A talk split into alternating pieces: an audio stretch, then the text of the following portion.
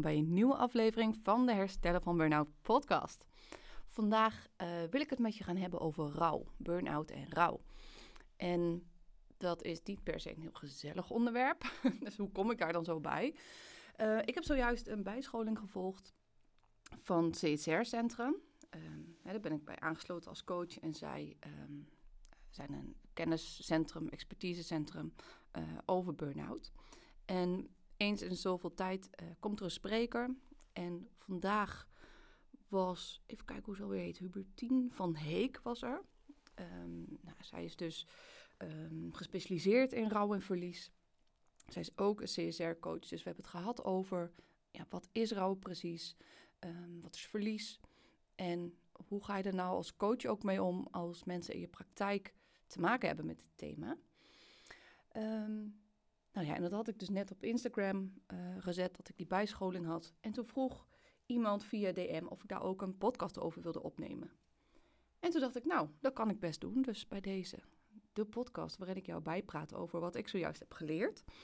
Um, het is natuurlijk wel voor coaches of in ieder geval ja, voor uh, uh, therapeuten. Dus ik ga proberen om de informatie een beetje te draaien, zodat het voor jou als nou ja, iemand die aan het herstellen is van burn-out klachten ook interessant is. Nou ja, waar gaat het dan over? Rouw is eigenlijk aanpassen aan verlies. Dus um, hè, als je spreekt van rouw, dan heb je verlies meegemaakt. En vaak denken we aan het verliezen van een persoon. Hè, dus je ouders, kind. Uh, nou ja, goed. Je snapt wat ik bedoel met persoon. Maar het is veel breder. Je kan ook gaan denken aan verlies van werk. Dat komt bij burn-out natuurlijk ook heel veel voor. Dat je, um, nou ja, dat je ziek wordt en wellicht je baan verliest. Of in ieder geval de onzekerheid hebt daarover. Uh, maar dus ook je gezondheid. Je verliest je gezondheid. Dat is ook een rouwperiode. Um, het kan zijn dat je te maken krijgt met bijvoorbeeld een diagnose.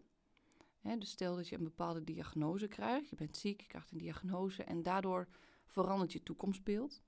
Dus je hebt misschien altijd bedacht van nou, zo, uh, ik ga uh, uh, dit doen als ik later groot ben. en nou ja, na die diagnose kan dat misschien in één keer niet meer. Dan ga je ook een rouwfase in. Dan ga je te maken krijgen met het aanpassen aan het verlies. Het verlies van het beeld over jezelf of de toekomstvisie. Um, dus op deze manier kan je zien dat verlies heel breed is. Het heeft ook te maken met spullen. Misschien door middel van uh, uh, een ongeluk moet je auto wegdoen, waar je heel erg aan gehecht bent. Of uh, je moet verhuizen omdat je je huis niet kan betalen. Um, het is gewoon ontzettend breed. En wat je gaat merken um, wanneer je zo'n rouwperiode ingaat, is dat je in het begin misschien het gevoel hebt dat jij die pijn bent. En wanneer die rouw um, ruimte krijgt, dat je die pijn kan ervaren. Dus je krijgt er al wat meer afstand van. Nou, nu waren er vroeger altijd van die fases. Ik weet niet of je, of je dat misschien kent of dat je dat ooit van iemand heeft, hebt gehoord. Dat ze zeggen, nou ja, dan, hey, je gaat vijf fases door. Dan heb je eerst de boosheid en dan de acceptatie en uh, dat. Ons werd op het hart gedrukt om dat niet meer te gebruiken. Dat is ouderwets.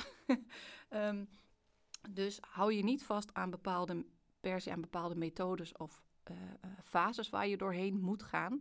Een rouwproces is namelijk voor iedereen anders. Het is voor iedereen uniek. Um, dat gaat allemaal op je eigen manier. En er zit ook eigenlijk geen einde aan. Rouwen, dat doe je je hele leven. En je gaat merken dat de impact gaat veranderen. Dus jij gaat anders om met het verlies. En als je dan kijkt naar hè, hoe, hoe gaat het dan in therapie bijvoorbeeld, of hoe kan je dat als uh, coach aanpakken, of hoe kan jij dat verwachten als je met een coach of psycholoog gaat werken, um, dan gaf Hubertine aan dat er eigenlijk drie um, dat je het kan zien als een driehoek. Dus je gaat eerst kijken naar welke impact is er. Dus hè, wat is er gebeurd? Wat betekent dat voor jou? Wat kan je nu wel, wat kan je nu niet? Dus je wil echt onder ogen zien van, nou ja, wat is er, wat voor verlies heb ik geleden? Wat is er veranderd? Wat kan ik nu wel of niet? Hè, stel je hebt een operatie gehad en je moet een been missen. Ja, dan kan je dus bepaalde dingen niet meer in je leven. Wat is dat dan allemaal? Het is goed om dat uit te spreken en om het daarover te hebben. Om dat echt onder ogen te kunnen zien. Want uiteindelijk wil je toch naar een stuk acceptatie toe. Hè, in het begin zou je misschien voelen van het mag niet zo zijn, ik wil dit niet. En dan hè, ervaar je waarschijnlijk dus wel die boosheid en geen acceptatie. ehm, uiteindelijk wil je wel naar die acceptatie toe. En acceptatie is niet per se van ik wil dit, maar meer van het is zo. Dit is wat het is. Dus je wil proberen te accepteren wat je niet kan veranderen. En dan, daarom is het belangrijk om die, die, die impact ook goed te snappen. Wat is er dan allemaal gebeurd en wat is er dan allemaal anders? Wat heb je dan te accepteren? Vervolgens ga je kijken hoe ga je er mee om. Dus hoe ga je om met wat is? Wat is jouw coping? Ga je het vermijden? Ga je het juist aan?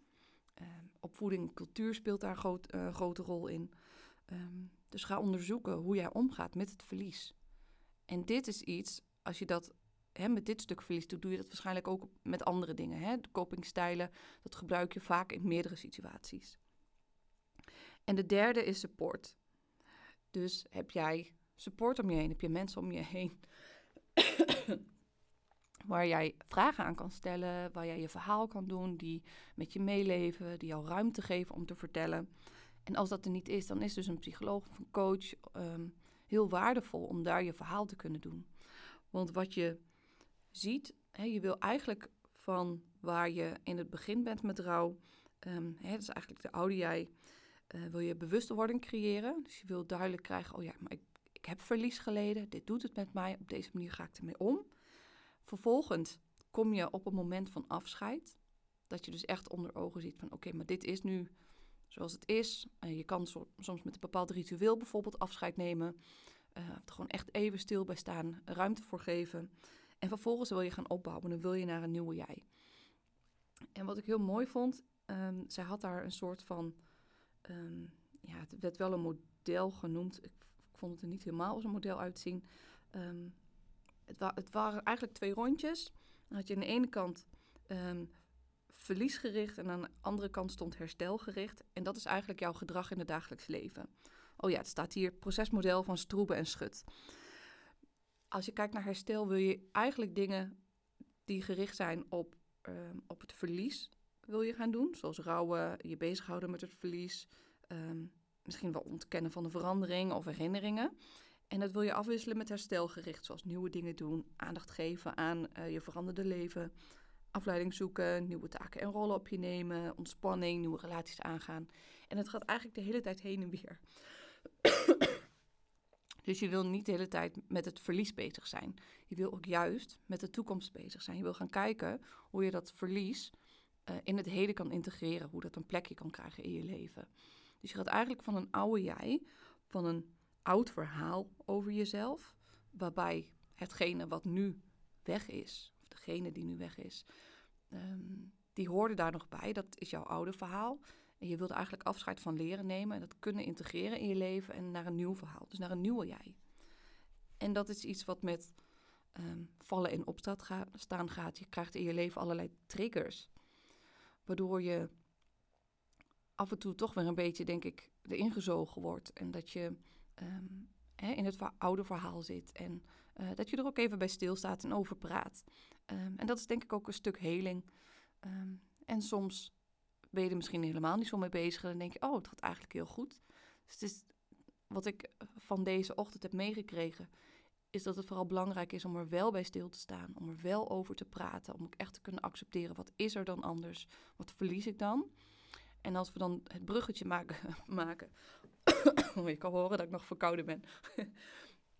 als we het bruggetje maken naar burn-out, dan is het de vraag, hè, stel, want ik, degene die mij die DM stuurde, die zei van, ja, bij mij kwam het dus door privé. Het is dus niet door mijn burn-out dat ik werk moet, uh, per se moet, uh, uh, dat dat zeg maar het stuk rouw is. Maar um, er waren wat persoonlijke verliezen. Um, en volgens mij al toen ze wat jonger was. En toen is ze gaan werken en toen had ze daar geen ruimte voor om dat te verwerken. Als je dan burn-out raakt, dan is het interessant om te kijken: oké, moet ik dan eerst rust gaan nemen en gaan herstellen van die burn-out? Of moet ik me bezig gaan houden met rouw? Ga ik daardoor beter herstellen? Want uh, onverwerkte rouw, dat kan wel een soort van gaan sudderen. Hè, dat is ook een stressreactie.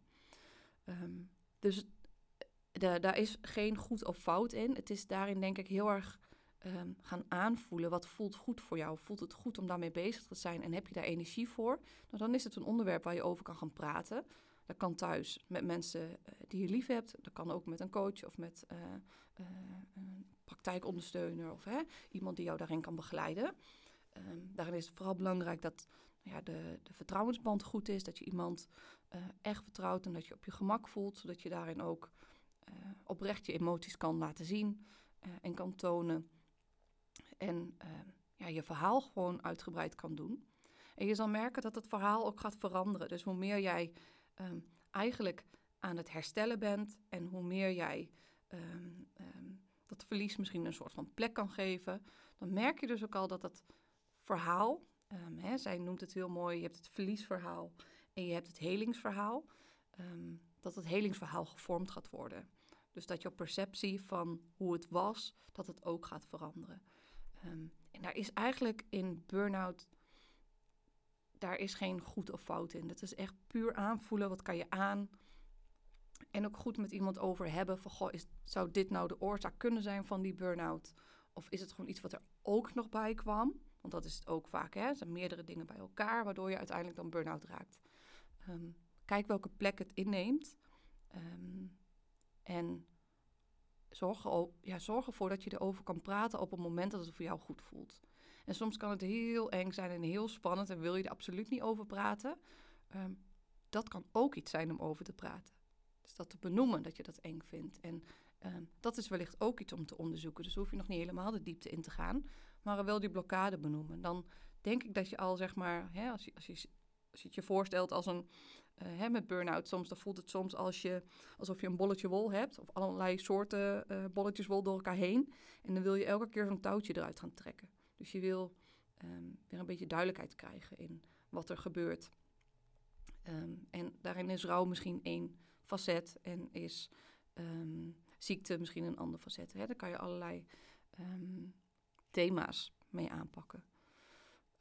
maar weet dat rouw hard werken is Ehm, dat het veel energie kost. Ehm, maar dat het, dat het wel leidt tot herstel. Dus het kan zeker het herstel van je burn-out ook ondersteunen als je er wel mee bezig gaat en als je durft aan te gaan. Dus nou ja, ik ga ervan uit dat je deze podcast hebt geluisterd omdat je wellicht ehm, met rouw te maken hebt. ja, misschien kan je dus in ieder geval aan de hand van die twee vragen over de impact en de coping, kan je voor jezelf al wat opschrijven op papier. En ja, weet dus dat het belangrijk is om erover te praten.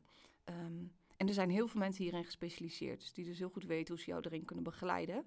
Ehm, dus ja, mocht je daar hulp bij nodig hebben, ga zeker even googlen en, uh, en kijken of er een rouw- verlies uh, coach of uh, expert bij jou in de buurt zit die jou misschien kan ondersteunen als je dat prettig vindt. Ehm, je hoeft dit niet alleen te doen. Nou, bij deze was het mijn praatje over de bijscholing. Even denken of er nog iets anders is wat ik graag met je wil delen. Um, ja, 8 december geef ik een masterclass weer, een nieuwe, uh, over reïntegratiegesprekken. Ik heb namelijk uh, laatste vragenlijst uh, rondgestuurd en ik heb jou gevraagd of jij met, je, met mij wilt delen hoe jouw integratie verloopt, waar je tegenaan loopt, dingen die niet fijn zijn, dingen die wel fijn zijn. Ehm, en op basis van al die vragenlijsten uh, heb ik een masterclass ontwikkeld. Die gaat over het gesprek. Dus echt het reïntegratiegesprek met je werkgever, met je bedrijfsarts. Hoe zorg je er nou voor dat die goed verlopen? Uh, wat wordt er van je verwacht? Uh, wat mag jij verwachten van de ander? En hoe bereid je zo'n gesprek voor? Want dit soort gesprekken zorgen voor veel stress en voor veel onrust en slapeloze nachten. Dus in die masterclass gaan we samen dit voorbereiden Ehm, en leer je hoe je optimaal zo'n gesprek aan kan gaan. Dus als je daarbij wil zijn, kan je je aanmelden. Ik zal even de link um, in de show notes zetten. Um, ehm, 8 december, dat is, ik ga eventjes bladeren. op een vrijdag, 8 december, om 11 uur. Dus je kan je aanmelden via de link in de show notes. En uh, je bent van harte welkom. Tot de volgende keer.